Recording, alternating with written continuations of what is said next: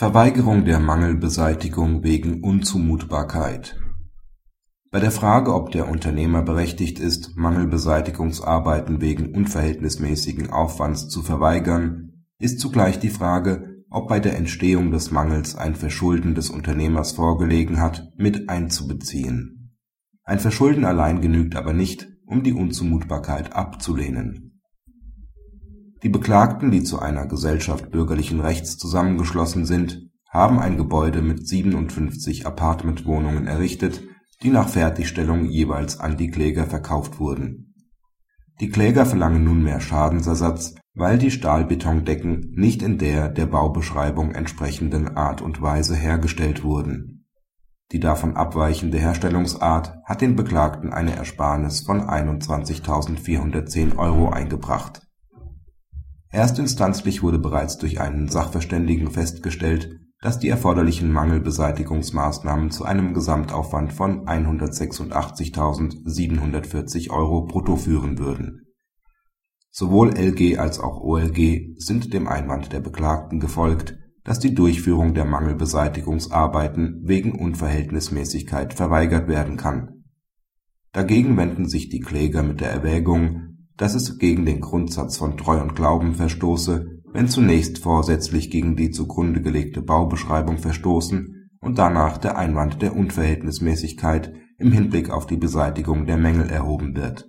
Der BGH hilft der Beschwerde der Kläger, gerichtet gegen die Nichtzulassung der Revision durch das OLG, nicht ab, nutzt den entsprechenden Beschluss jedoch dazu, seine Rechtsauffassung in diesem Zusammenhang nochmals klarzustellen Entgegen einzelner Entscheidungen von Oberlandesgerichten ist der Umstand eines eventuellen Verschuldens des Auftragnehmers bei der Entstehung von Mängeln in die Beurteilung der Unverhältnismäßigkeit der Mangelbeseitigungsmaßnahmen mit einzustellen.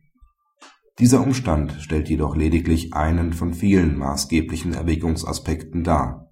Deshalb führt der BGH aus, dass allein die Tatsache eines eventuellen Verschuldens des Auftragnehmers bei der Mangelentstehung nicht geeignet ist, die Berufung auf den Einwand der Unverhältnismäßigkeit zu verweigern.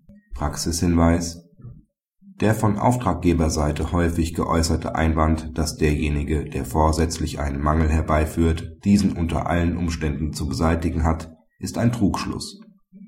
Der BGH hält ausdrücklich daran fest, dass diese Tatsache allenfalls einen Teilaspekt der Gesamtabwägung darstellt Abgesehen davon ist der Einwand der Unverhältnismäßigkeit oft auf wenige Fallgruppen beschränkt.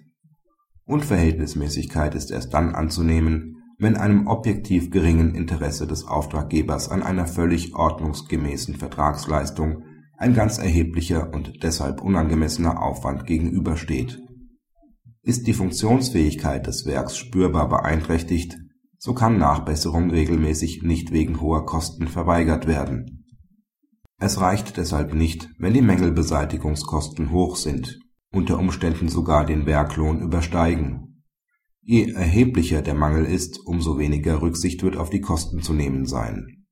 Praktische Bedeutung erlangt § 635 Absatz 3 BGB danach weitgehend nur für solche Mängel, die zu keiner wesentlichen Funktionsbeeinträchtigung führen, wie beispielsweise optische Mängel